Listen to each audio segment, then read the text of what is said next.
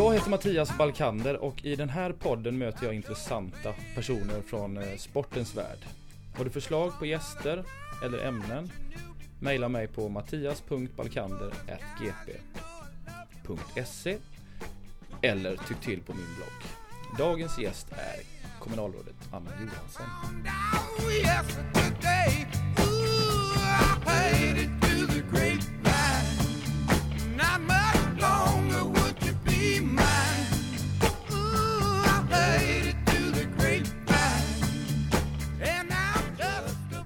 Välkommen Anna. Tack så mycket. Hur står det till? Det är bra, det är kallt men annars är det bra. Ja, det är det nu för tiden, det är januari. Ja precis, det blev det till slut. Ja, Ja precis. Har du, har du köpt vinterskor och rätt jacka? Och, ja jag är bra på att klä på mig ordentligt när det är kallt. ja, okej. Mm. Du, eh, när man läser på Wikipedia så står det att du heter Anna Frida Victoria Johansson. Eh, är född den 29 maj 1971.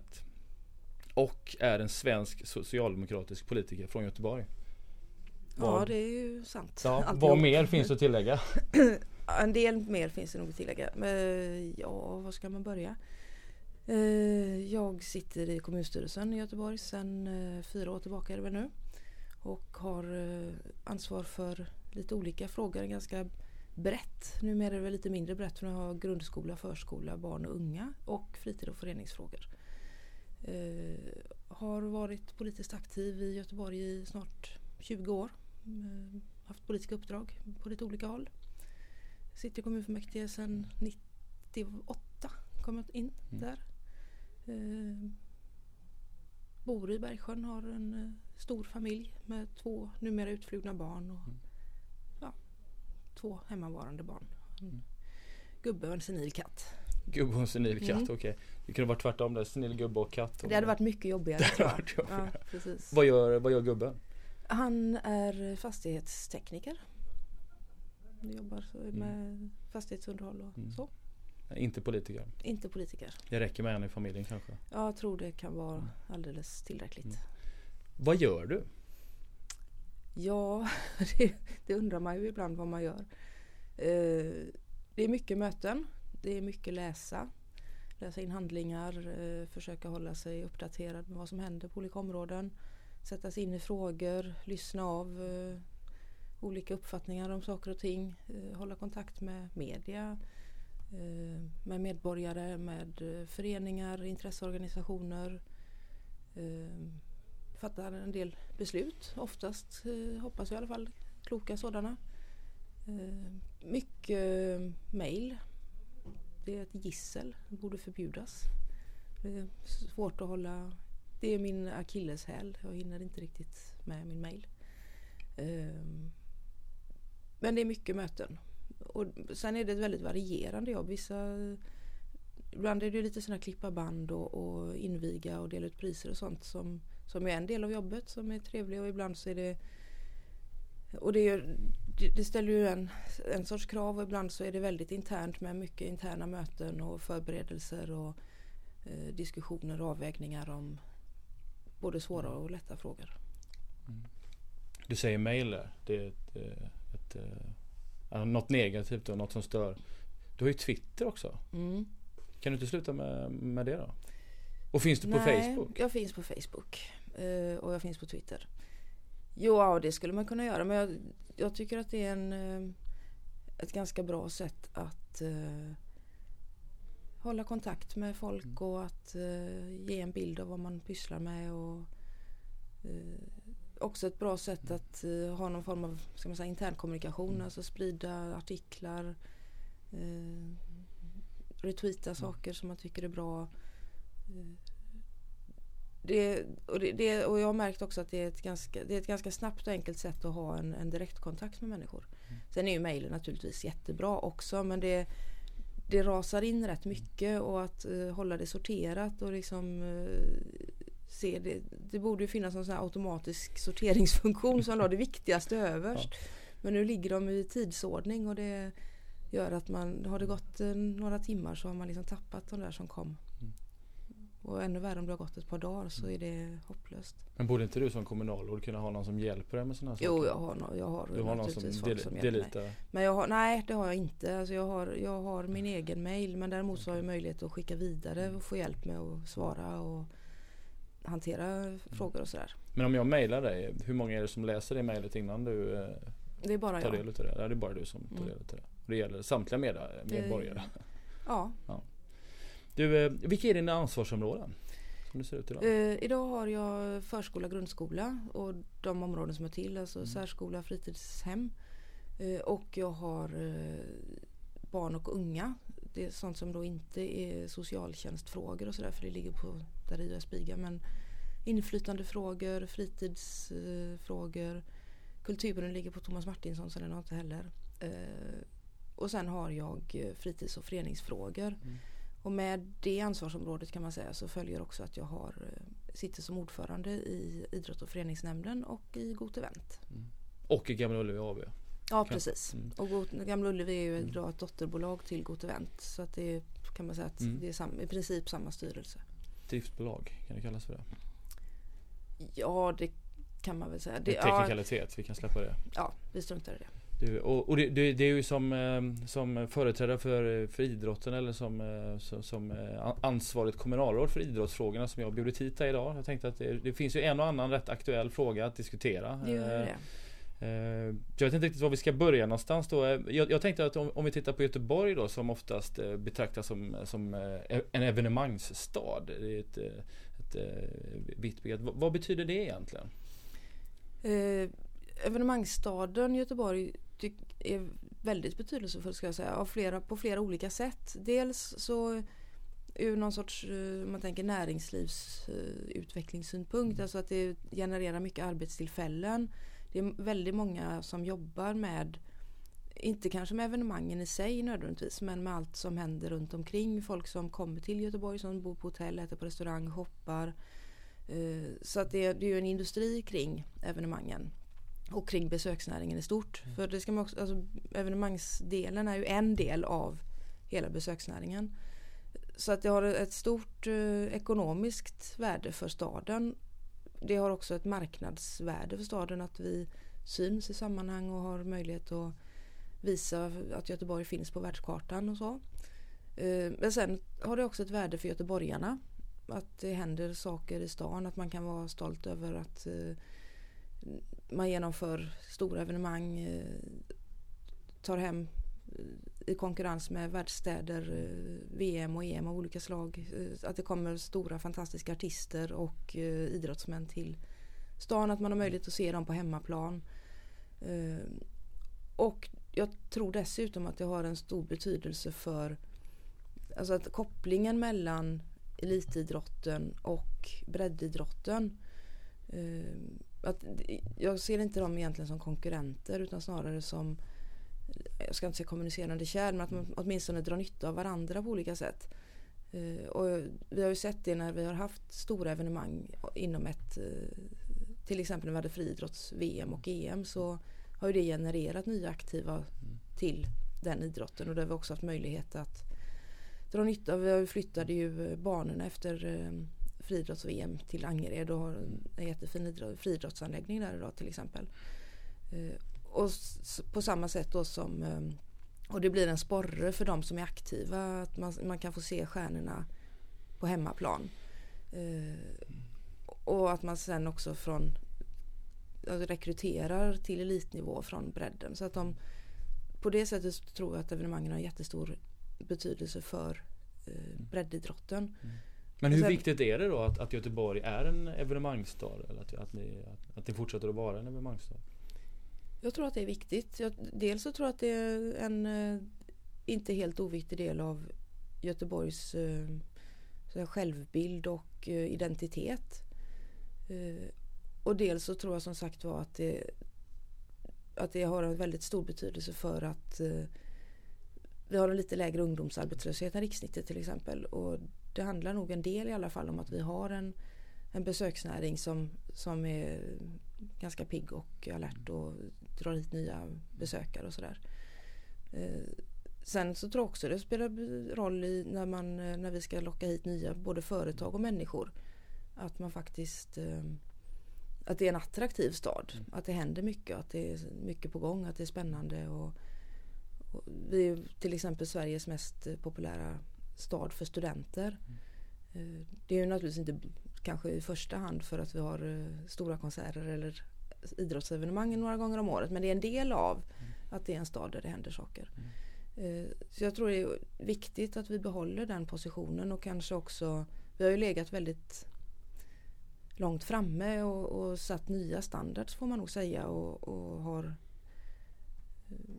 Många andra städer har ju tagit efter oss så som vi har jobbat med evenemang och, och så. Och eh, jag tror att vi har alla möjligheter att snäppa upp oss en liten bit till och ta nästa steg.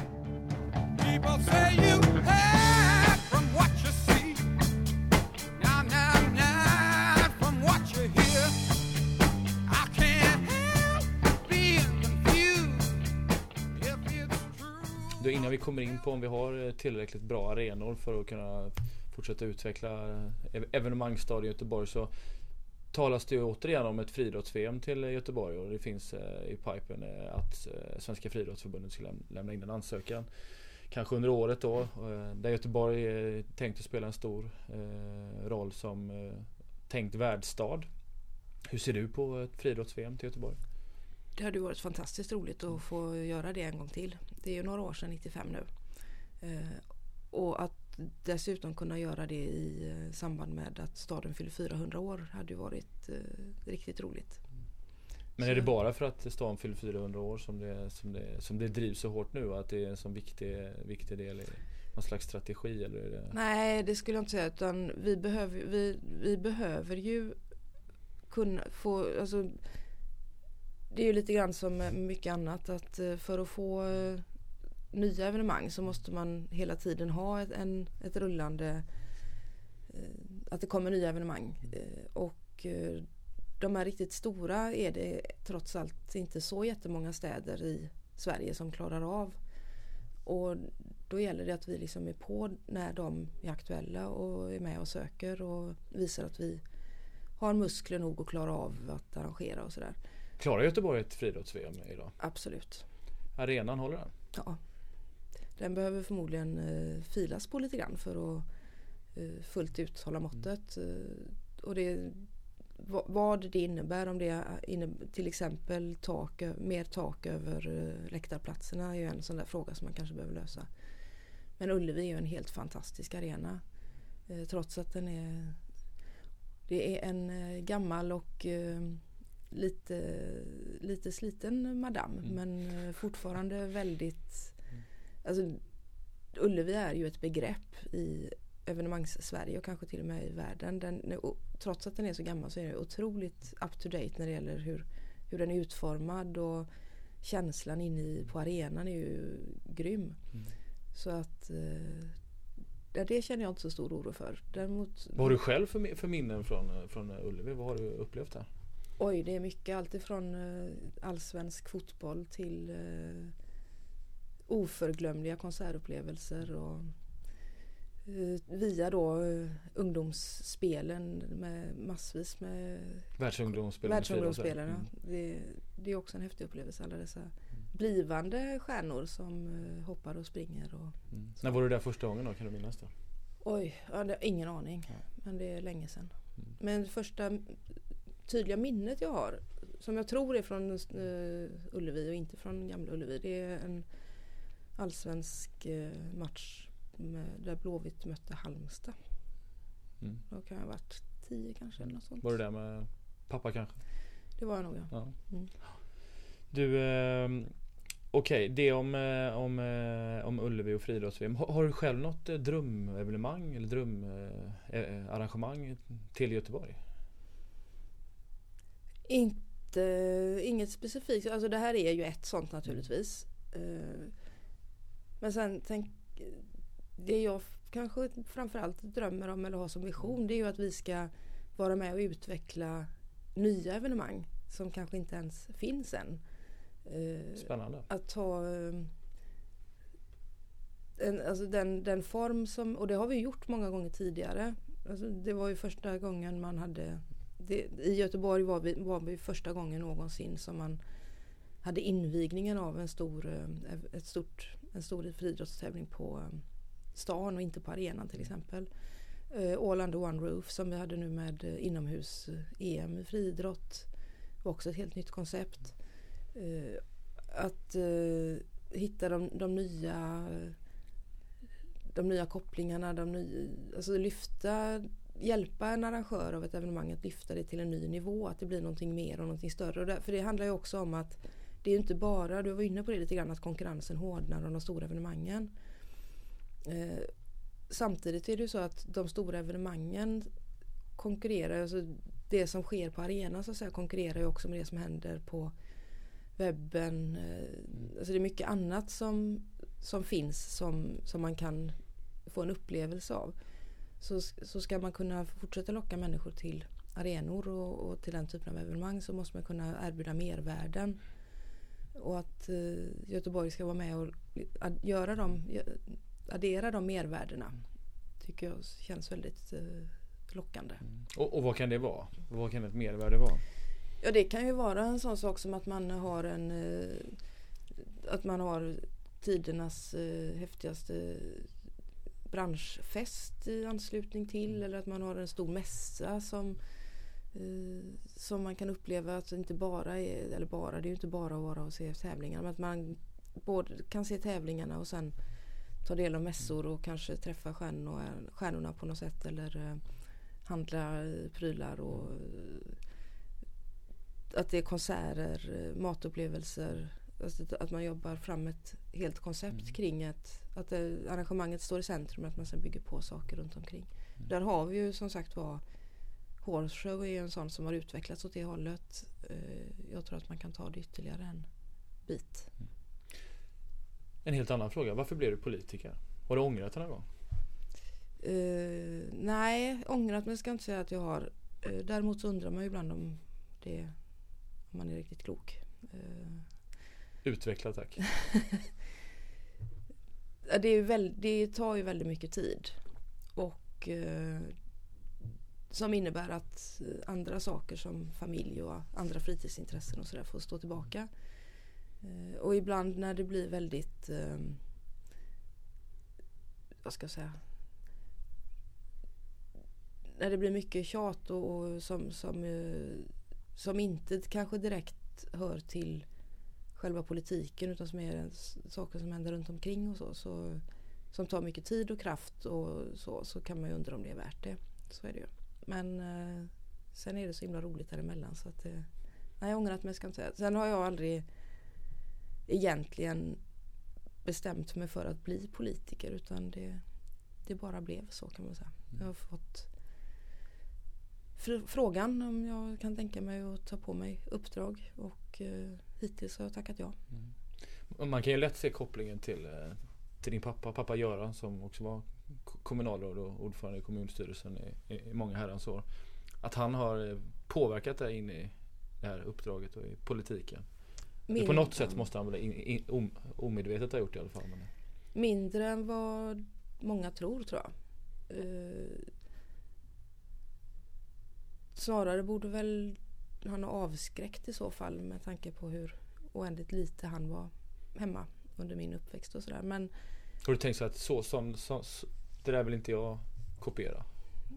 Tiden hemma med, med familjen? Ja, det, ja, det kan jag nog säga att eh, jag har ändå försökt att ha en, ett vardagsliv hemma också. Alltså jag har försöker hålla en princip att ha en vardagskväll i veckan som jag mm. inte är på möten utan som jag kan vara hemma och laga middag och säga godnatt mm. som vanligt folk. Mm.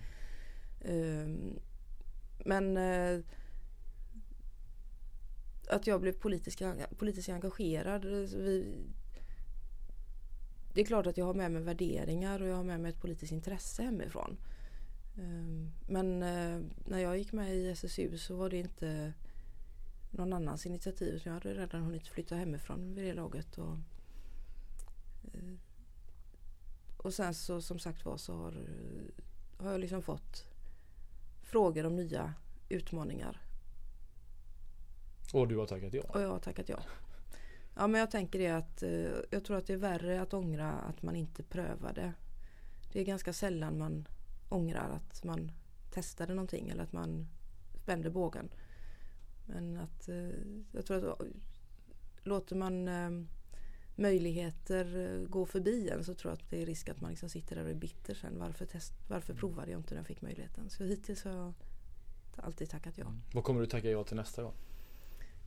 Det vet jag ju inte eftersom jag inte vet om det kommer någon fråga. Och i så fall vilken. Men jag har ju ganska nyligen tackat ja till en eh, fråga om att kandidera till eh, riksdagen Mm. i höst. Så att det får vi väl se om det blir så. Men det, hade ju, det är ju Hur, hur känns det nu med lite distans till, till det beslutet? Det känns väldigt, alltså till att börja med så är det ju en, eh, ett jättefint förtroende att, eh, att folk frågar om jag kan tänka mig och att man tycker att jag, alltså man, att det är många som vill att jag ska företräda Göteborg där och Göteborgs Socialdemokrater där. Eh, Så det är väldigt eh, hedrande. Eh, Sen är det med lite blandade känslor. Så å ena sidan så är det ju, jag är, jag, ibland tänker jag att jag är nog kanske mer göteborgare än vad jag är svensk om jag ska liksom Okej. identifiera mig själv sådär. Och nu, jag kommer ju bo kvar i Göteborg men det är klart att släppa Göteborgspolitiken är inte bara kul. För det kommer du göra? Ja i alla fall på det sättet. Den här, att, jag kommer ändå vara ganska, om, om det nu blir så så kommer jag ägna ganska, vara mycket tid i Stockholm. Eh, sen hoppas jag väl att jag kan få ha kvar någon liten fot någonstans kanske. Men jag tänker på din vardagskväll, din fria Ja vardagskväll den, med familjen. eh, ryk, med den ryker ju då va. Det, Ska du flytta till Stockholm också då? eller? Ja, det funkar ju så att man bor ju kvar i sin hemmakommun och eh, sen har man en övernattningslägenhet i Stockholm så att man veckopendlar i princip. Kommer du lämna uppdragen inom, inom eh, ja, de här ordföranderollerna exempelvis i Gotevent och Det vet jag inte än men jag tror det är svårt att eh, ha den närvaron som kanske krävs. Mm. Men eh, det, det är inte klart än. Och det är fortfarande inte klart än om, om jag kommer dit Nej, heller.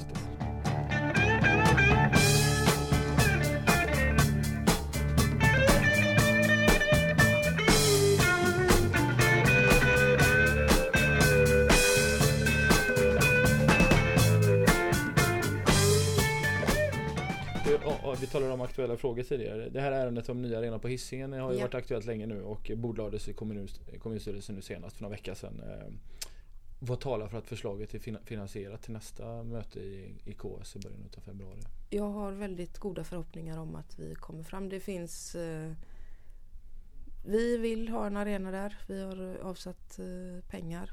Sen det anbudet som kom in räckte inte våra pengar till riktigt. Men det finns eh, flera intressenter som också gärna vill att det ska bli en arena på Hisingen. Så jag har goda förhoppningar om att vi löser den frågan. Berätta mer. Du säger fl- flera andra intressenter som, eh, som, som gärna vill att det ska bli en ny arena. Vilka är det? Och Ja, framförallt är det ju Häcken som, eh, för det är ju deras hemmaarena vi pratar om. Eh, Och vi har haft väldigt konstruktiva diskussioner med Häcken. Mm. Som delfinansiär. Vi kan väl vänta med den frågan lite grann men jag får nöja det med att Mm. jag har goda förhoppningar om att det ska finnas en, att vi ska hitta en lösning och att det finns det, Dels så behöver vi ha ytterligare en elitarena för fotboll i stan eh, eftersom vi har för många ska jag inte säga men vi har flera lag som spelar på den nivån att det, det räcker inte med en arena. Nya Ullevi är lite för stor. Det blir väldigt ödsligt där och det är dessutom svårt att kombinera allsvensk fotboll med att kunna utveckla nya evenemang eftersom då ligger ju säsongerna som de gör och sådär. Eh, så, vi, så det behövs ytterligare en arena som klarar, som är godkänd för allsvenskt spel. Eh, och sen eh, så skulle det ju tillföra ett värde till det området naturligtvis. Så att vi är väldigt angelägna om att komma fram och jag hoppas och tror att det, och, och Häcken är naturligtvis också väldigt angelägna om att att få en eh, arena på hemmaplan. Och platsen för, för, för arenabygget, eh, är det uppe vid eh, Wieselgrensplatsen där Rambergsvallen ligger idag? Ja, det, det som är aktuellt och som diskuteras, för man skulle ju kunna tänka sig naturligtvis att göra en riktigt fräck arena med alltså, massa till restauranger och sådär. Där är vi inte idag utan det som diskuteras och det som är, eh, anbudet gäller det är en, ersättning för Rambergsvallen som i princip är en uppdaterad version av den nuvarande arenan med de, med de krav som eh, fotbollsförbundet ställer uppfyllda. Men det är en ganska enkel och funktionell allsvensk arena vi pratar om. Och den kommer då att eh, ligga på samma plats och eh, ersätta den gamla. Och vad kommer vi landa? Eh, avsatt eh, 130 miljoner och behovet åtminstone 175 enligt Higabs förslag. Kanske upp mot 200. Vad, landar det nya förslaget? Det, det, finns ju inget nytt förslag det, det i den meningen utan det, det, har ju varit en upphandling och det har kommit in anbud och de, de anbuden ska besvaras i, under februari, slutet på februari. Eh, så att det handlar ju om att hitta en eh, lösning och det är ganska förhoppningsfullt. Mm. Vilka är det som ska använda arenan eh, sedan? Ja det är ju Häcken naturligtvis. Men sen så finns det ju ganska många fotbollsföreningar på hissingen eller på centrala hissingen runt omkring. Så att eh, tanken är ju att man ska ha konstgräs på den här arenan och att den ska fungera för både allsvenskt spel men också för breddidrotten. Att den ska kunna, kunna fylla båda de funktionerna. Mm. Och friidrotten som, som finns där idag, var hamnar den någonstans? Ja, friidrotten finns ju där inte nu utan den har ju flyttat till eh, Nya Ullevi. Eh, och en, från början när man började diskutera Rambergsvallen så värderade man ju möjligheten att ha en kombinerad fotbolls och friidrottsarena. Och ganska tidigt så kom man fram till att det skulle vara en renodlad fotbollsarena och då innebär det att vi behöver hitta någon annanstans för friidrotten. Och där har vi tittat på ett antal olika alternativ. Varav vi egentligen inte tyckte att något riktigt var bra. Och det handlade dels om, om eh, kollektivtrafikförsörjning. Det handlade om eh, när, alltså placering på hissingen eh, centralt tillgång för, från olika delar och så vidare. Så den frågan är olöst men vi har fortfarande med den på agendan i allra högsta grad. Mm. Just det. Um, Okej, okay, men kommer det fattas ett, jag får ställa sista frågan bara runt det. Kommer det fattas ett beslut nu tror du då i början på februari kring att, att det blir någon slags att det blir det här och att det blir byggstart ganska snart då eller? Det hoppas jag. Mm. Men eh, det, mm. det, är lite för löst eh, mm. för att jag ska kunna säga att så här blir det. Men jag känner mig väldigt förhoppnings, förhoppningsfull. Och när, när kan man, eh, för, för det är också en central fråga då. När kan det vara invigning? När kan man börja använda arenan? Om det nu blir ett positivt besked. Jag tror vi får återkomma till det men mm. det, är ju en, det tar ju en stund såklart. Mm.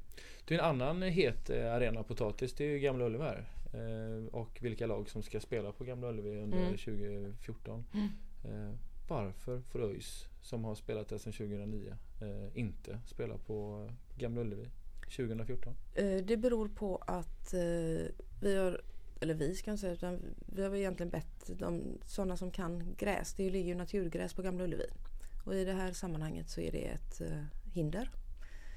Eh, för det innebär att gräsmattan klarar inte hur mycket påfrestningar som helst. Och de som kan det här med gräs har värderat frågan och sagt att tre lag klarar gräsmattan men inte fyra. Och eftersom Rambergsvallen då inte är godkänd för allsvenskt spel och den eh, dispens som Häcken haft går ut så måste vi, har vi då fyra lag som eh, vill spela på Gamla Ullevi och bara tre får plats. Och Eh, då har vi valt att försöka gå på så sakliga kriterier som möjligt och utgått från serietillhörighet och eh, publiksnitt. Och då, de, av de fyra lag som eh, skulle vilja spela på Gamla Ullevi så är ÖIS det lag som ligger i lägst serie och har lägst publiksnitt. Så därav den. Eh, och det är jättetråkigt naturligtvis att inte kunna erbjuda alla som vill spela på arenan. Men eh, av de det, alternativen i det här läget hade nog varit sämre. Mm. Vilka, vilka var alternativen som, som du ser det? Ja, man har ju tittat på möjligheten att eh, ja, det har tittats på många olika. Dels naturligtvis förstahandsalternativet var att titta på Gårdi att, att uh, erbjuda fyra lag att spela hela säsongen på Gamla Ullevi och där var svaret ganska tydligt nej. Eh, sen har det tittats på möjligheten att eh, spela vissa matcher på, stor, på alltså Nya Ullevi och att eh, hålla på att flytta fram och tillbaka och det har man gjort bedömning att det blir inte så bra det heller. Eh, och sen så återstår naturligtvis alternativet att något annat lag skulle spela någon annanstans.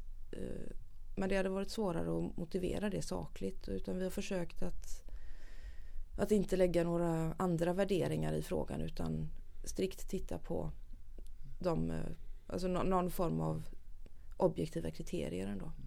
Men, men de två kriterierna, som du säger, objektiva kriterier som, som fanns med eller till grund för beslutet var eh, publikkapacitet och, eh, eller inte kapacitet utan publiksnitt och eh, serietillhörighet. Mm.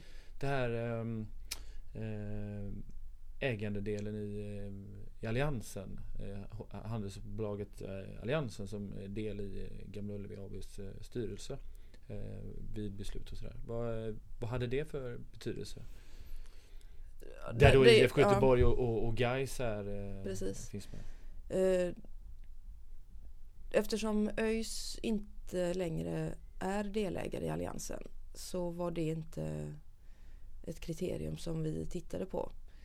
Utan, och hade det varit så så det är möjligt att sakerna hade kommit i ett annat läge men eh, vi har utgått från, från eh, så, som, så som verkligheten ser ut och då är verkligheten att det är två delägare i Alliansen och de två klubbarna har dessutom både högre serietillhörighet och högre publiksnitt så att de här objektiva kriterierna har liksom varit det som har legat till grund. Mm. Eh, och det här så kallade ramavtalet som har funnits tidigare eh, som tecknades inför 2009 eh, där eh, ÖIS var en utav klubbarna, eller en, en av alliansklubbarna som då eh, Eh, ansågs eh, ha någon slags eh, grundläggande rättighet att eh, ha Gamla Ullevi som sin hemmaarena fram till, vad var det, 2023 eller någonting sånt där. Eh, vad hade det för betydelse inför beslutet? de, av, de, de, avtal som har funnits har ju i väldigt hög utsträckning varit kopplade till just alliansen och eh, aktieägaravtal och sådana här saker. Det är lite knepigt juridiskt och jag kan inte alla turer men eh, när, när vi kommer i den här situationen, och då ska man också säga att en del av det man trodde och hoppades på innan arenan invigdes 2009 kanske inte fullt ut har infriats vare sig vad gäller idrottsliga framgångar eller ekonomiska framgångar. Mm. Så att lite grann är vi i ett annat eh, läge än vad jag tror att man trodde att man skulle vara när man skrev både en del avtal och eh, annat inför 2009. Mm. Okej, okay, som vad? Ja, som att man trodde att det skulle bli en vinst att dela på till exempel. Det har det ju inte riktigt inte blivit. Riktigt, inte riktigt. Inte ens i närheten någon gång. Var det 35 miljoner nu för 2013? Eh, ja, vi landar kring, de senaste åren så har vi landat eh, på ett eh, minus kring 29 och då kan man säga att där har vi nu gjort, fått ett, ett ny, en ny ett nytt aktieägartillskott så att det innebär, eller förlåt ett koncernbidrag, koncernbidrag som mm. innebär att vi höjer nivån för det det har nog inte funnits någon realism i den, eh, de förutsättningar som vi har haft att driva arenan.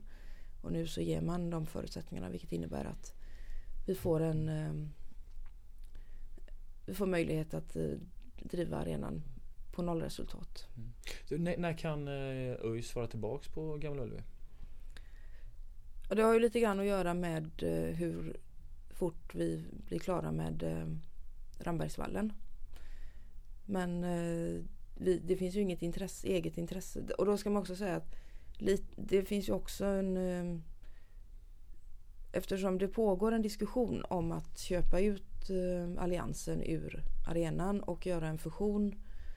Eh, det vill säga att Gamla Ullevi slutar vara ett fristående dotterbolag till eh, Gotevent utan istället går upp som eh, en del av Gotevents vanliga verksamhet så kommer förutsättningarna för klubbarna att bli förändrade.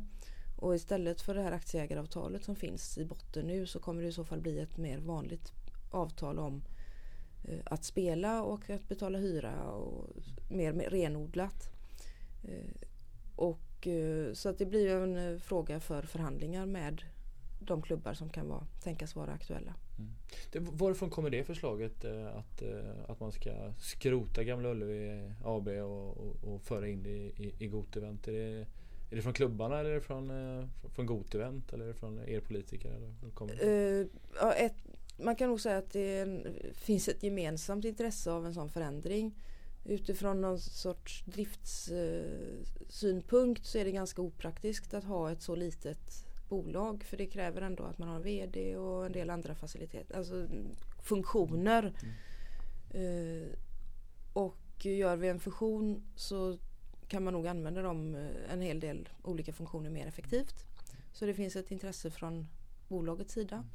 Eh, och sen så har det också kommit initiativ från klubbarna som hellre skulle se en annan konstruktion. Mm. Och vad kommer det betyda för, för klubbarna där? Om det blir så här?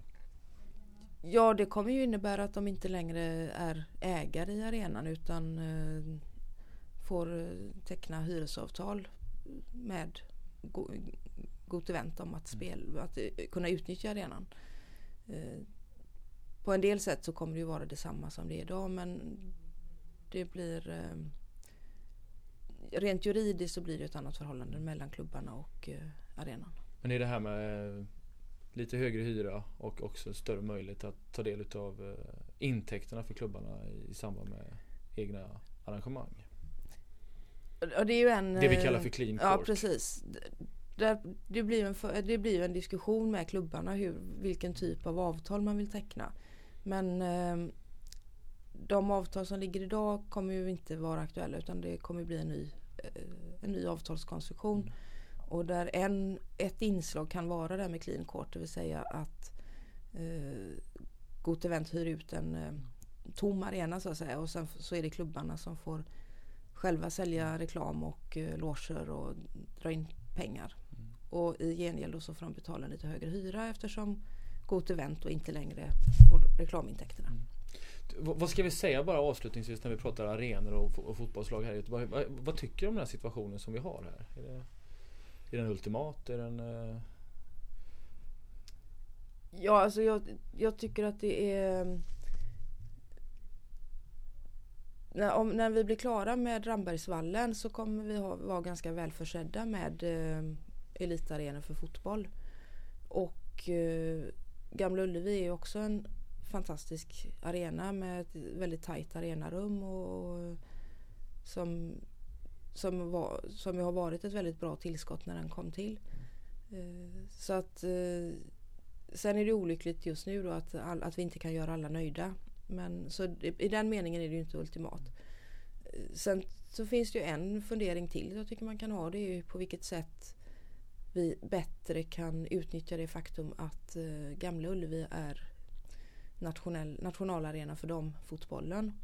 För nu har vi bara pratat herrfotboll här en stund men det, vi hade ju ett fantastiskt eh, evenemang här i somras med de EM som ju blev en fantastisk framgång. Går det att spinna vidare på de framgångarna? Vilken plats ska eh, den sidan fotbollen ha på arenan framöver? Går det att lyfta det ytterligare? Eh, så, att, så den aspekten behöver man också med sig de fortsatta funderingarna. Mm. Vad tänker du själv kring det? Jag tänker att eh, EM i somras var en, eh, ett genombrott för damfotbollen både publikmässigt och eh, medialt. Och att det kanske är så att tiden börjar bli mogen för att, eh, att damfotbollen får en, ett större utrymme. Och då har vi ju faktiskt en tillgång i att vi har nationalarenan här i Göteborg. Och vi borde kunna göra mer av det tänker jag. Jag tänker Kopparberg Göteborg som är stans allsvenska lag. Eh, spelar ju på Vallhalla. Eh, skulle det vara ett eh, alternativ? Jag tror att det finns en uppgörelse, en överenskommelse om att de ska spela på central eh, mark. Det var det som var när de flyttade in från Landvetter för ett antal år sedan. Mm. Eh, kan Gamla Ullevi vara en spelplats för dem? Det återstår väl att se men jag tycker definitivt inte att man ska stänga den dörren. Utan eh, vi får ju, försöka, vi får ju se vad, vad finns det för, eh, för lag som, som drar tillräckligt med publik och som kan eh, fylla arenan och tillföra värden till arenan och och då är det väl flera som kan vara aktuella för det tänker jag. Mm. Och, och konkret när det gäller evenemang runt om eller landslaget i fotboll. Eh, vad, hur ser det ut framöver? Är de bokade på, på arenan eller vad är deras önskemål från, från förbundshåll? Ja, någon match per år i alla fall ska det ju kunna bli här och kanske ytterligare något. Mm. Så det, men det återstår väl att se lite grann. Mm.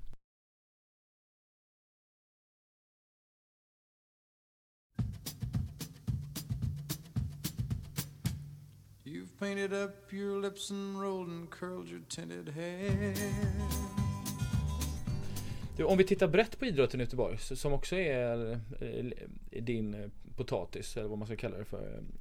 Vilken fråga skulle du säga idag eh, är den allra viktigaste?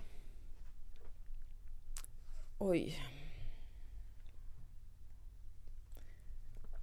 Ja det var en svår fråga. Jag tyckte det var dags att skjuta in den lilla Ja lätta. precis, den lilla lätta frågan. Det finns väl egentligen flera stora eller stora men viktiga frågor i alla fall. Eh, en handlar om eh, att vi har ganska många hallar och eh, planer och sånt där. Ja, nej, planer har vi varit ganska duktiga på. Men hallar och simhallar och sådär som börjar bli lite till åren. Och att se till att kunna underhålla dem och ibland kanske byta ut dem. Och tillföra nya anläggningar för att staden växer och det kommer till nya behov och så. Det är väl en utmaning. Eh, att eh, vara med och ge föreningarna, breddidrottsföreningarna goda förutsättningar för att utvecklas och att, att staden finns med för att, att hjälpa till och, och, skapa bra förutsättningar både ekonomiskt och i form av att det finns anläggningar och sådär. Det är också en viktig fråga. Det är ju inga nya stora frågor precis. Mm. Sen har vi ju naturligtvis... Nej, det behöver inte vara nya frågor Nej. utan det är liksom vad, vad, du känner själv så just nu. Men att... Och där kan man säga att, att få um, fler ungdomar framförallt då i uh, de områden i stan som, där det är en ganska låg aktivitetsgrad. Att få fler att idrotta och uh, upptäcka glädjen i att röra sig och eh, delta i idrott tillsammans med andra och att utvecklas och så. Det, det skulle jag säga är en stor utmaning för oss i kommunen men också för föreningarna. Alltså hur, hur rekryterar man? Hur, eh, hur vänder man sig till fler? Hur gör man det möjligt för fler att delta? För där, ser, där vet vi också att eh, de ekonomiska villkoren skiljer sig väldigt mycket åt. Eh, vi vet att folkhälsotalen ser väldigt olika ut. Eh, och idrotten är naturligtvis inte den enda lösningen eller den enda, det enda fokusområdet men det är en del av det. Mm. Och hur ser vi till att vi eh, kan, vi kan vi utforma föreningsbidragen på ett sätt så att man eh, minskar skillnaderna i förutsättningar att delta. Kan vi få fler föreningar att ta ett större ansvar eller kanske ett lite annat ansvar eh, genom att använda föreningsbidragen på ett annat sätt. Det finns många sådana funderingar som, och utmaningar. Mm. Fast är det där ett, är det ett anläggningsproblem där, eller är det ett ledarproblem? Eller, eller är det, ja, vad, är, vad, är, vad handlar det om egentligen? Jag tror att det är flera olika saker. Dels handlar det naturligtvis om att vi måste ha bra anläggningar i alla delar av staden. Jag, jag tycker ändå att vi, vi där är, ligger vi ganska hyggligt till skulle jag säga. Uh, det finns några saker. Alltså, när man tittar framåt så är det klart att vi kommer behöva både bygga nytt och ersätta så småningom. Men totalt sett tycker jag ändå att vi är ganska väl försedda med anläggningar. Mm. Eh, sen finns det några idrotter som kanske har lite större behov av, än vad vi klarar i dagsläget. Men det är ändå rätt så hyggligt. Mm. Sen finns det ju en utmaning naturligtvis att rekrytera nya ledare och att, eh, och att rekrytera nya ledare med kvalitet. Mm. Eh, och att underhålla det och, och, få det att funka.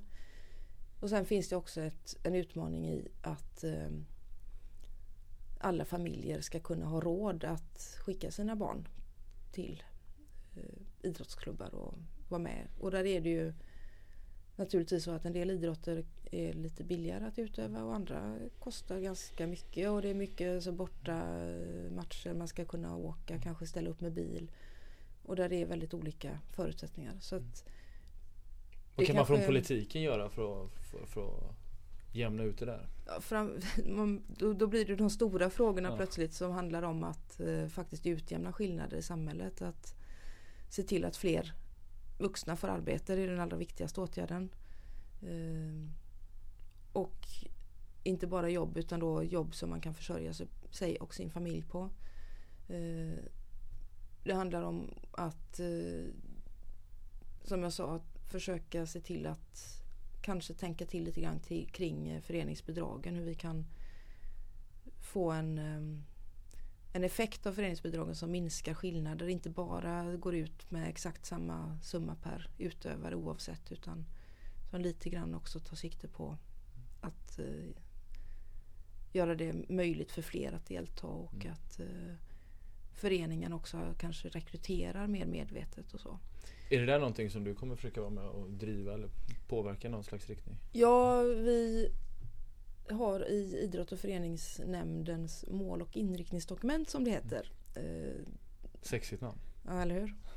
Eh, Det är så, alltså kommunfullmäktige fattar ju beslut i juni varje år och sen är det varje nämnd och varje bolag som säga, ska bryta ner det för att få det att passa sin verksamhet. Eh, Eh, och eh, då kallas det för ett mål och. Och när vi tog det i våras så eh, skrev vi in ett uppdrag till förvaltningen att påbörja en översyn av föreningsbidragen. Kan man till exempel ha någon sorts grundnivå och sen att man lägger på ut, utifrån om man jobbar med integration, jämställdhet, eh, ta socioekonomiska hänsyn i högre utsträckning och så vidare. Så att det är ett sådant arbete påbörjat. Sen är ju det där inte enkelt för det får inte heller bli ett system som blir så administrativt tungrot att eh, hälften av pengarna liksom försvinner i Det, det, blanketthantering och sådär. Och det får heller inte bli så att föreningar att vi gör det svårare för föreningar att verka.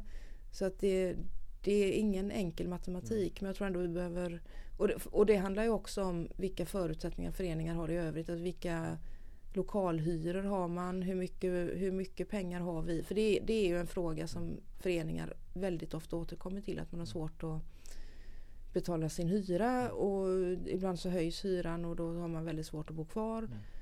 Eh, och där behöver vi också fundera på på vilket sätt ska kommunen hjälpa till med att eh, ge föreningar förutsättningar att kunna hyra lokaler som funkar för verksamhet. Och då är det så att det är ju enklare kanske för föreningar som har ehm, man hyr en hall ett par kvällar i veckan och kör träning för det laget.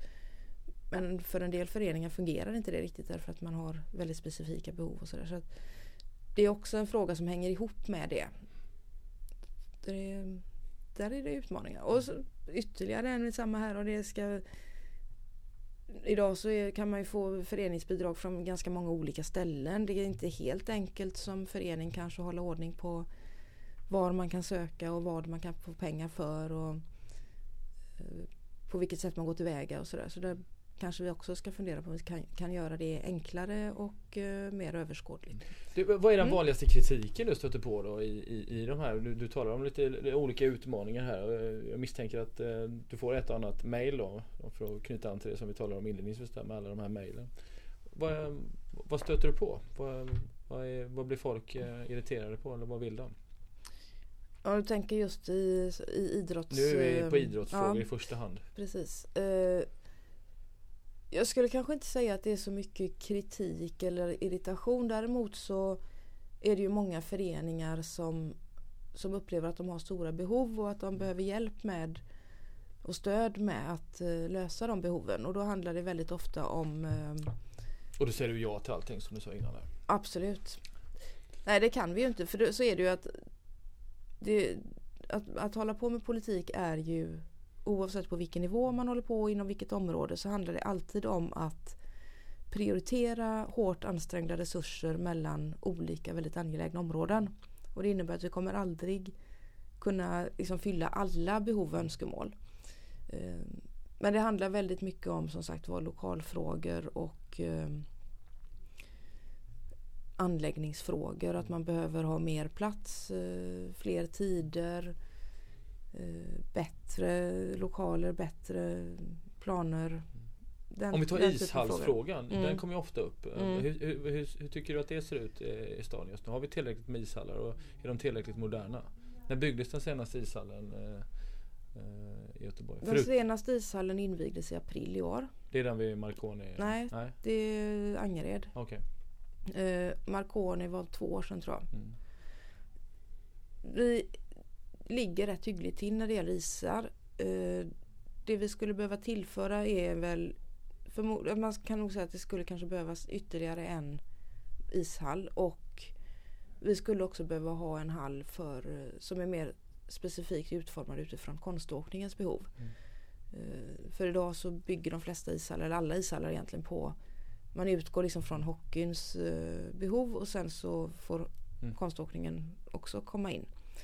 Eh, Och vi skulle behöva ha en hall där, där förhållandena var det omvända. Att man utformar den utifrån konståkningens behov i första hand. Och kan det där vara någonting som är på gång? Ja, vi kommer ju åtminstone ha med det på agendan. Vi sitter just nu, idrott och föreningsnämnden, eller vår förvaltning ska säga, sitter just nu och har sen, eh, ja det pågår en process kan man säga där vi ska göra nomineringar inför nästa planperiod. Det är alltså man planerar ju i liksom cykler om fyra år. Och då är det alla investeringar totalt sett i hela stan. Då handlar det om allt ifrån förskolor, äldreboenden, eh, nya trafiksatsningar, eh, cykelbanor, parker och anläggningar. Så att det, det är väldigt, väldigt många olika behov och det är klart att allting som vi skulle vilja göra på idrott och förening kommer inte att bli av. Eh, för vi behöver också kunna, vi kan liksom inte ta alla investerings, hela investeringsutrymmet till hallar. Vi behöver lite skolor och förskolor också. Mm. Det, det kan bli en konst, Men, en eh, konståkning. Men det, det finns med ett antal sådana frågor som, som vi eh, ser att på, vårt, på det området skulle vi behöva. Mm. Så den finns med som en, eh, en tanke där. Och En annan sak som man tänker på när man pratar breddidrott och sådär, det är ju den här ideella kraften som finns, den ideella idrotten som, som har varit något sånt här grundfundament Mm. i den svenska idrotten. Och vad, som vi känner den idag, kommer den bestå eller vad, vad, hur ser framtiden ut? Vad, vad, vad känner du inför, inför den ganska stora frågan också då?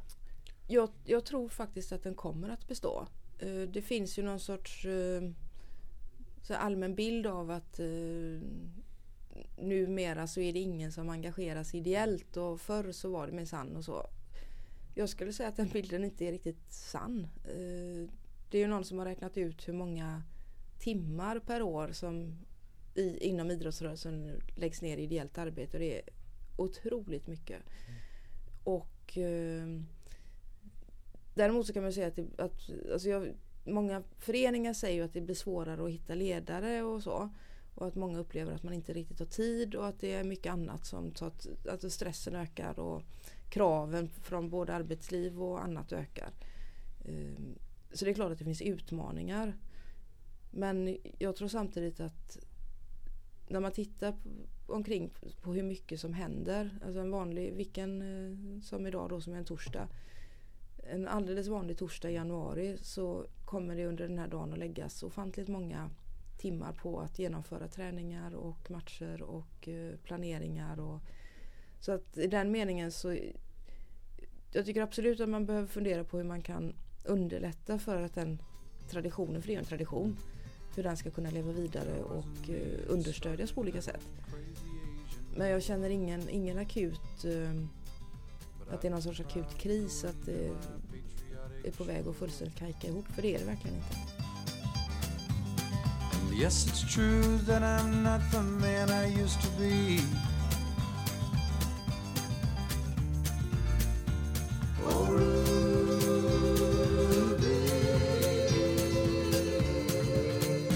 I still need some company. Är du själv aktiv inom någon idrott?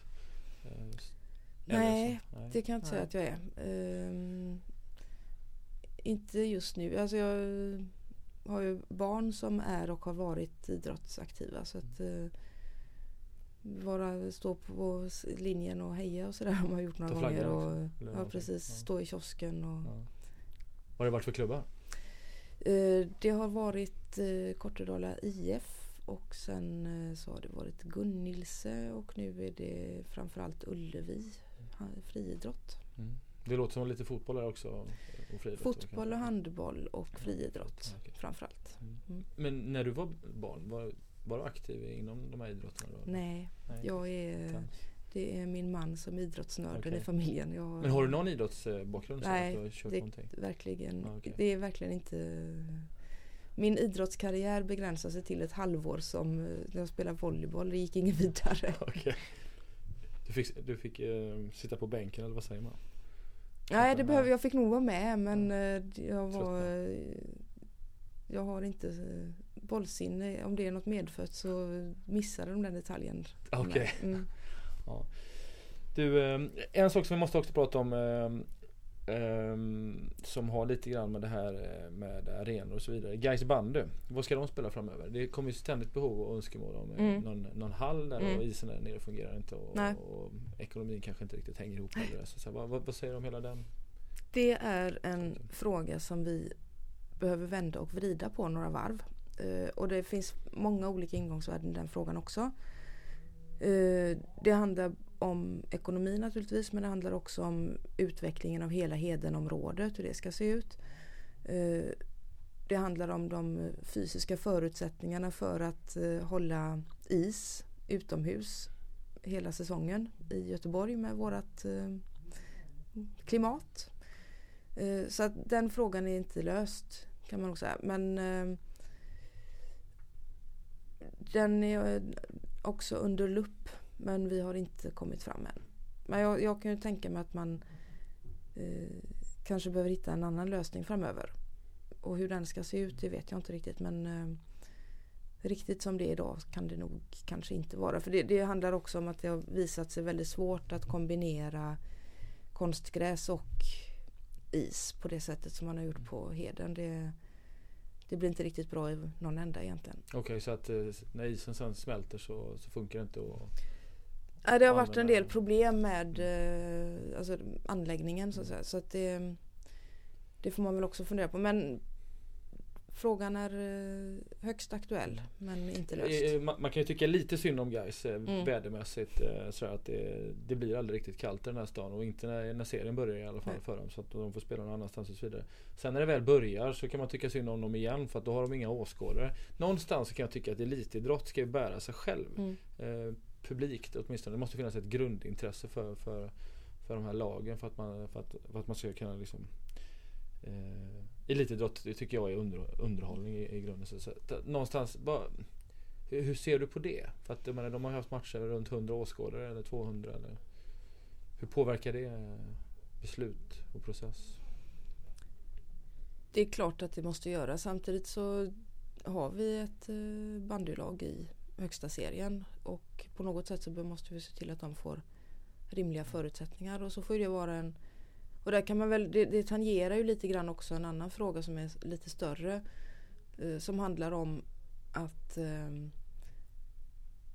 de olika specialförbunden ställer allt högre och högre krav på utformning och så av an, anläggningar och skickar i princip bara till kommunen att nu får ni lösa det här. Ja, hur ser du på det? Det måste du säga någonting om. Ja, Jag, jag tycker kanske att man eh, borde och det går väl an höll jag på att säga för en kommun av Göteborgs storlek för vi har ju ändå en del muskler men det är klart att för, för en liten kommun så kan det ju vara oerhört ansträngande. Det, är- det är ansträngande även för Göteborg mellan varven ska jag säga för att det, det är inte alltid framförhållningen är så lång heller.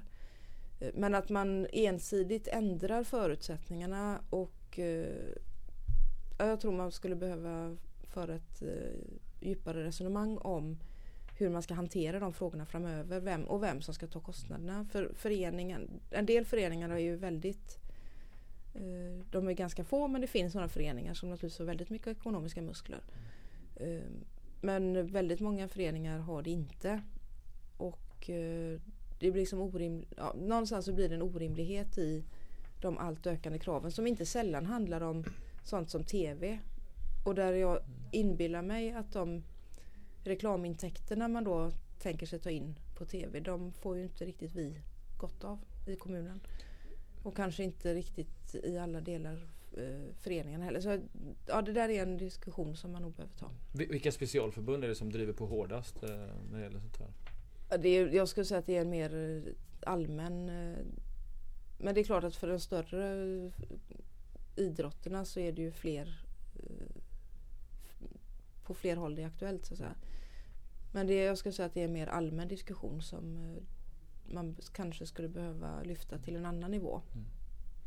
Du, vi sportjournalister vi, vi brukar alltid fega ut när eh, favoritlag kommer kommer på tal. Så här, om jag får en fråga, så här, vilket lag håller du på egentligen? Så brukar jag alltid eh, då brukar jag alltid svara lite svepande så att det, sånt hade jag förr. Mm. Vilket är ditt favoritlag? I vilken idrott tänker det du på då? jag vet inte, vet jag, volleyboll kanske? Ehm, ja, det får ju bli fotboll då, så pratar vi herrfotboll. Mm. Eh, så är det ju. eh, Där är det ju Blåvitt. Och det är med modersmjölk eh, Ja. då, på något sätt. Det är nog så. Mm. Går- Går du på, på idrott idag? Tittar du på, på olika evenemang? Inte så mycket som jag kanske skulle önska. Sen får jag ju en del inbjudningar med som är kopplat till mitt uppdrag och sådär. Så att, eh, och det är lite kul för då får jag också se idrotter som jag kanske inte själv har eh, haft någon koppling till tidigare. Men eh, jag går väldigt sällan sådär spontant och ser en eh, hockeymatch eller en eh, fotbollsmatch. Det får jag väl erkänna. Men om, om du får välja då? Vad, då, är det, då är det fotboll och Blåvitt som du springer iväg på? Eller går du på hockey och Frölunda också kanske? ska, jag har inte, ska jag vara helt ärlig ska jag säga att jag har inte ett enormt brinnande idrottsintresse eh, på det sättet. Men eh, jag tycker det är kul. De gånger jag går på fotboll så tycker jag det är kul. Jag tycker det är kul när jag, när jag väl sitter där på eh, hockeymatchen så tycker jag det är roligt. Och jag tycker det är kul att se handboll och så. så att, eh, och friidrott tycker jag också är väldigt roligt att kolla på. Så att, det mesta är ju roligt när man väl är där och det är så. Och jag var nu i helgen och tittade på um, Lurch Trophy som är en uh, ungdomstävling för uh, synchronized skating. Vad heter det? Um, Teamåkning? teamåkning, tack. Konståkning. Det är ju helt fantastiskt. De är skitduktiga. Ja de är så, det fantastiskt duktiga så det, de är värda all uppskattning. Och, och det är ju en sån otroligt vacker idrott. Uh, simning, alltså nej men jag jag har inget eh, kanske sådär som sagt var brinnande intresse men, men jag tycker det är väldigt givande när, man, när jag är där. för- för man och tänk- engagerande. Man tänker nu lite spontant när du har avslöjat för mig att du egentligen bara har spelat volleyboll ett halvår. Du är egentligen inte idrottsintresserad. Hur i hela fridens namn fick du ansvaret för idrottsfrågorna? Och, Ja, det kan man ju du fråga sig. Det kan man fråga sig. Ehm, lite grann är det nog kanske så att eh, man kanske inte alltid blir en bättre politiker i ett område som man själv är väldigt um, djupt förankrad i. Um, nödvändigtvis. Mm. Man kanske till, det kanske till exempel inte är så att man med nödvändighet blir en bättre skolpolitiker för att man själv är lärare. Det kan också finnas ibland en, en poäng med att man har lite så säga, distans till frågorna. Mm. Och att man närmar sig dem utifrån ett eh, medborgarföreträdarskap. För jag, jag företräder ju inte idrotten i mitt uppdrag utan jag företräder ju göteborgarna. Eh, så att jag tycker inte att det känns som ett stort problem. Sen har jag, har jag haft, alltså jag har haft kontakt med idrotten på olika sätt eh, ändå. Framförallt som sagt var genom mina barn. Och har en hygglig insikt i hur en förening fungerar och det tror jag säkert. så. Så att eh, nej jag tycker inte det har varit ett stort problem. Eh, och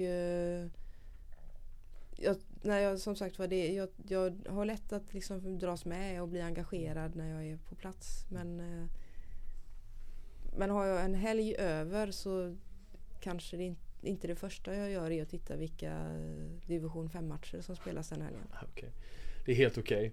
Du, jag tänkte vi skulle avsluta Mm. med, med tio snabb, eh, frågor av snabbare karaktär. Ja. Så eh, frågan Jag är, ska är du, försöka ge några korta ja, svar är, också du, är du redo nu? Jag är redo. So pick up the tempo just a little and take it on home. Din favoritperson i världen utanför familjen? Får man ta två? Ja det kan man få. Mm, Nelson Mandela och Olof Palme. Vill du motivera? oerhört eh, starka och eh, imponerande intellektuell skärpa, eh, integritet, mod. Båda två. Ehm, nästan övermänskliga på, på lite olika sätt naturligtvis men eh, förebilder eh, på väldigt många sätt. Då kan vi bara notera att även min senaste gäst i den här podden, Sven-Göran Eriksson, hade Nelson Mandela som favoritperson eh, utanför familjen. Eh, ihop med påven. Honom hade jag inte nämnt. Du, di- ditt, ja, nu, det här, den här frågan funkar nästan inte på det. Ditt favoritlag utöver ditt egna. Du får nästan säga ditt favoritparti utöver ditt egna. Om jag inte hade fått lov att rösta på Socialdemokraterna i ett val så hade jag inte kunnat rösta. Ja, det finns inget... Eh... nej, Jag, jag har väldigt svårt att svara på den frågan. Det, det är väl vänstern då möjligen. Om, jag... Men om någon står med finns- piskan. Ja, fast frågan är om de inte får slå då. Mm, okej. Du, eh, när var du senast riktigt arg? Jag blir arg ofta. Ehm.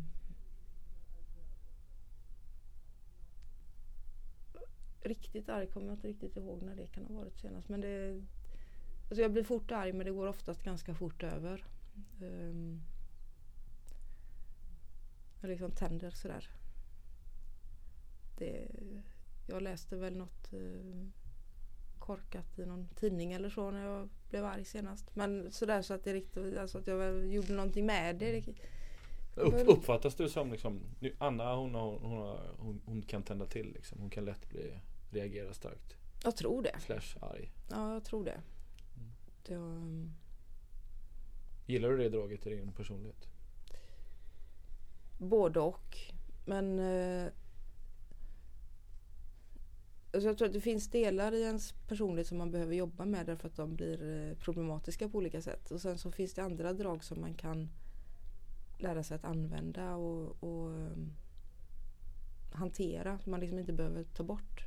Det här är ett sånt. För mig är, ligger eh, ilskan eller alltså det ligger väldigt nära engagemanget. Eh, Jag tänker att när, när jag inte blir arg längre då har jag nog blivit blasé. Att, eh, eller cynisk. När, när man liksom bara rycker på axlarna eller inte, jaha, oj då, hoppsan. Ehm. Så jag- nej, för mig är det nog mer en tillgång än ett, än ett problem tror jag.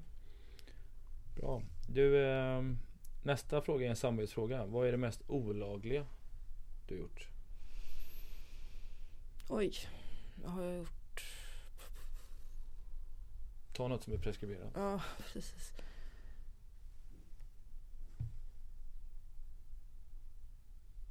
Jag vet inte ens om det är olagligt men jag har, det har hänt att jag har eh, glömt stämpla på spårvagnen. Nej, Jag vet inte om det är olagligt men det är i alla fall bötesbelagt. Bötesbelagt. Eller Men har du åkt fast någon? Är det någon som kommit på? Nej det har jag inte men det har, det har varit någon gång när jag bytt, du vet sådär när man byter väska och så ligger Ja, ja. kortet kvar. Mm. Men, men eh, apropå det så politiker ska ju vara ofelbara. Så då kan man egentligen ha som följdfråga då om är politiker ofelbara? Det hoppas jag verkligen inte. Nej. Du behöver inte fördjupa dig. Ja, men alltså det, det, om man vill ha, om man vill ha eh, någon robotar som politiker så kan man ställa det kravet. Vill man ha människor av kött och blod så får man nog leva med att även politiker gör fel och misstag. Mm. Vilken är din favoritplats på jorden? Hemma. Hemma. Hemma Hemma i soffan Ja, eller någonting sånt. Ja. faktiskt. Ehm, vilket är ditt livs största misstag?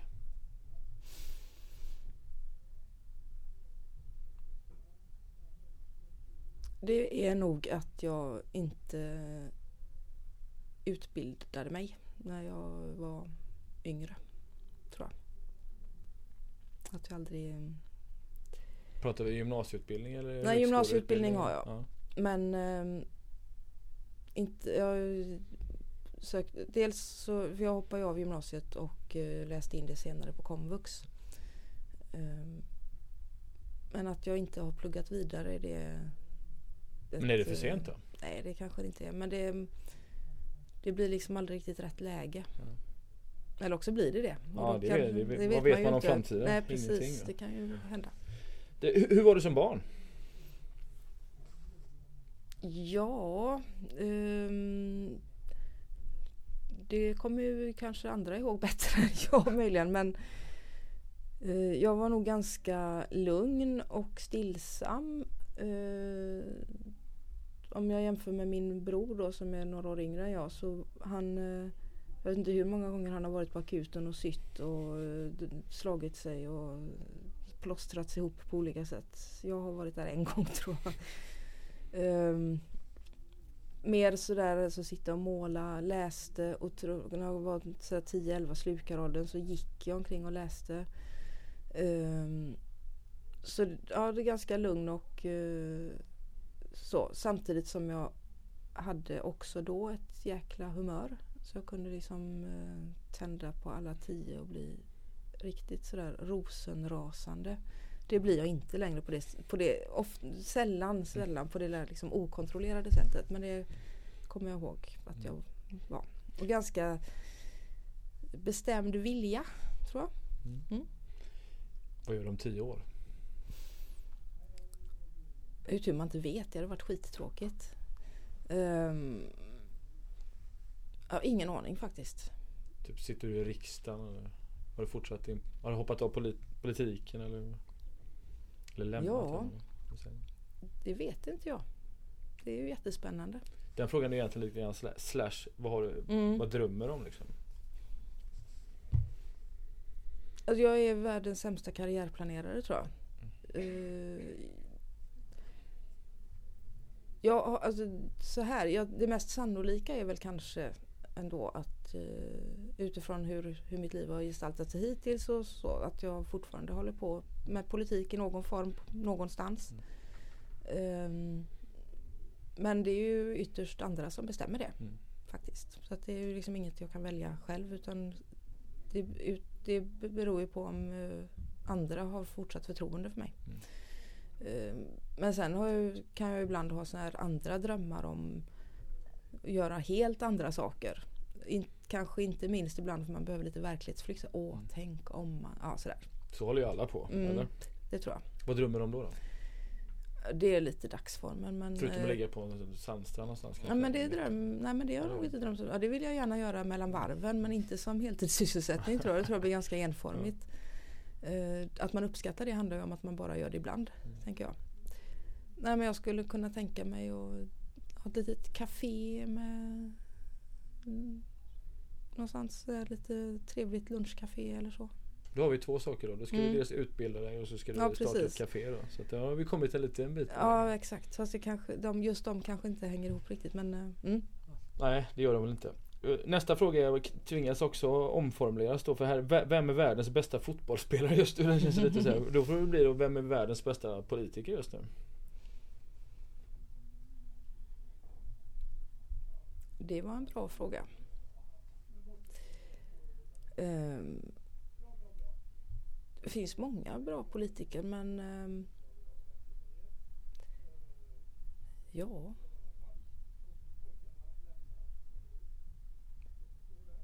Ja, Jag får nästan säga pass på den. Alltså det, Mm. För det är också så svårt därför att det, det är ju inte...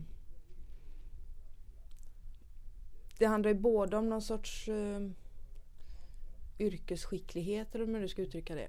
Men, eh, men det handlar också om att vara en trovärdig och, och stå för, för goda värderingar och sådär. Och ehm, jag tycker till exempel att Hillary Clinton är en väldigt skicklig politiker. Eh, om man nu ska Du säger Hillary namn. Clinton. Och eh, sen så tycker jag att det känns som att vi har ett eh, riktigt något riktigt bra på gång i vårt parti med Stefan Löfven. Mm. Och vi har flera andra också. Spännande. Du, sista snabbfrågan här då. Vem, vem skulle du vilja se? Nu är det här en sportpodd Mm, i första hand. Vem mm. skulle du vilja se som gäst i den här podden? Glenn Strömberg. Glenn Strömberg. Ja, Ja, eller ja. tar vi till oss det. Mm. Det var egentligen det hela. Mm. Ehm, jag skulle vilja tacka dig för att du tog dig tid. Tack. Det, det slår mig bara egentligen att det är två saker som jag inte skrev upp på den här listan som vi inte har pratat om som vi borde åtminstone nämna. Eh, nämligen den här uppståndelsen som blev efter Uppdrag granskningsprogrammet med kvitto, kvitto, kvitto och grejer och så vidare som ledde till att bland, bland annat Bertil Rignes eh, slutade i, bostadsbolaget och så vidare. Med lite distans till hela den här eh, Eh, perioden, vad, vad, vad tänker du då? Jag tänker att, eh, ja dels var det ju jättejobbigt såklart. Ehm, jag tycker att, eh, och det kanske jag inte får säga, men jag tycker att hela den frågan fick ganska stora proportioner. Och ja. Sen var det ju naturligtvis fel och så. Det är liksom inget snack om det. Men proportionerna blev inte helt rimliga kan jag tycka. Jag skulle ha stoppat in den frågan lite tidigare men jag glömde av den. Så jag kände att jag Den vill, kommer på jag vill i alla fall ställa den till dig. Mm. Jag tror folk skulle bli sura på mig om jag inte lyfte det. Eh, ska vi tillägga någonting eller ska vi nöja oss där? Vi har pratat idrott i Göteborg. Har vi pratat idrott i Göteborg ja. Eh, jag är rätt nöjd tror jag. Mm. Mm. Kommer du driva, om du hamnar i Stockholm sen, kommer du driva liksom några speciella? Jag tycker att eh, man borde ta ett större ekonomiskt ansvar nationellt för stora evenemang. Mm. Den frågan kommer jag nog driva Mm. tror jag. Eh, och det handlar om att när, för en kommun så är det ett ganska stort åtagande att eh, arrangera exempelvis ett VM. Som, alltså det är, och, det, och eftersom konkurrensen hårdnar så, så ställs det också högre krav på risk, delat risktagande och sådär. Sen är det en vinstaffär, i, verkligen en vinstaffär för staten som ju får in alla momspengarna. Eh, men hittills så har eh, staten valt att inte garantera, alltså gå in med någon typ av förlustgaranti eller sådär till exempel. Det tycker jag hade varit väldigt bra för jag tror att det hade gjort att man kunde våga. Vi ska, ju vi ska naturligtvis inte söka eh, evenemang som vi inte tror blir bra. Men eh, jag tror att en trygghet i att, man, att eh, risken för att det inte skulle gå bra, att man delar på den, tror jag skulle göra att, vi, att fler kommuner kanske vågade lite mer och att Sverige totalt sett kunde bli mer framgångsrik som evenemangsnation. Bra, då fick vi det också. Mm. Vad gör du resten av dagen? Det är det allra sista jag frågar dig nu. Resten av dagen, jag ska, ja vad är klockan nu? Jag ska om en stund på en hearing om eh, skolan. Och eh, diskutera PISA-resultat och eh, vad vi ska göra åt det och så. Du känner att nu har jag massa följdfrågor på det också. Mm. Men jag vet inte om vi ska stanna där ändå. Ja, återigen, eh, tack Anna för att du tog dig tid. Tack så mycket, Ha det bra. detsamma.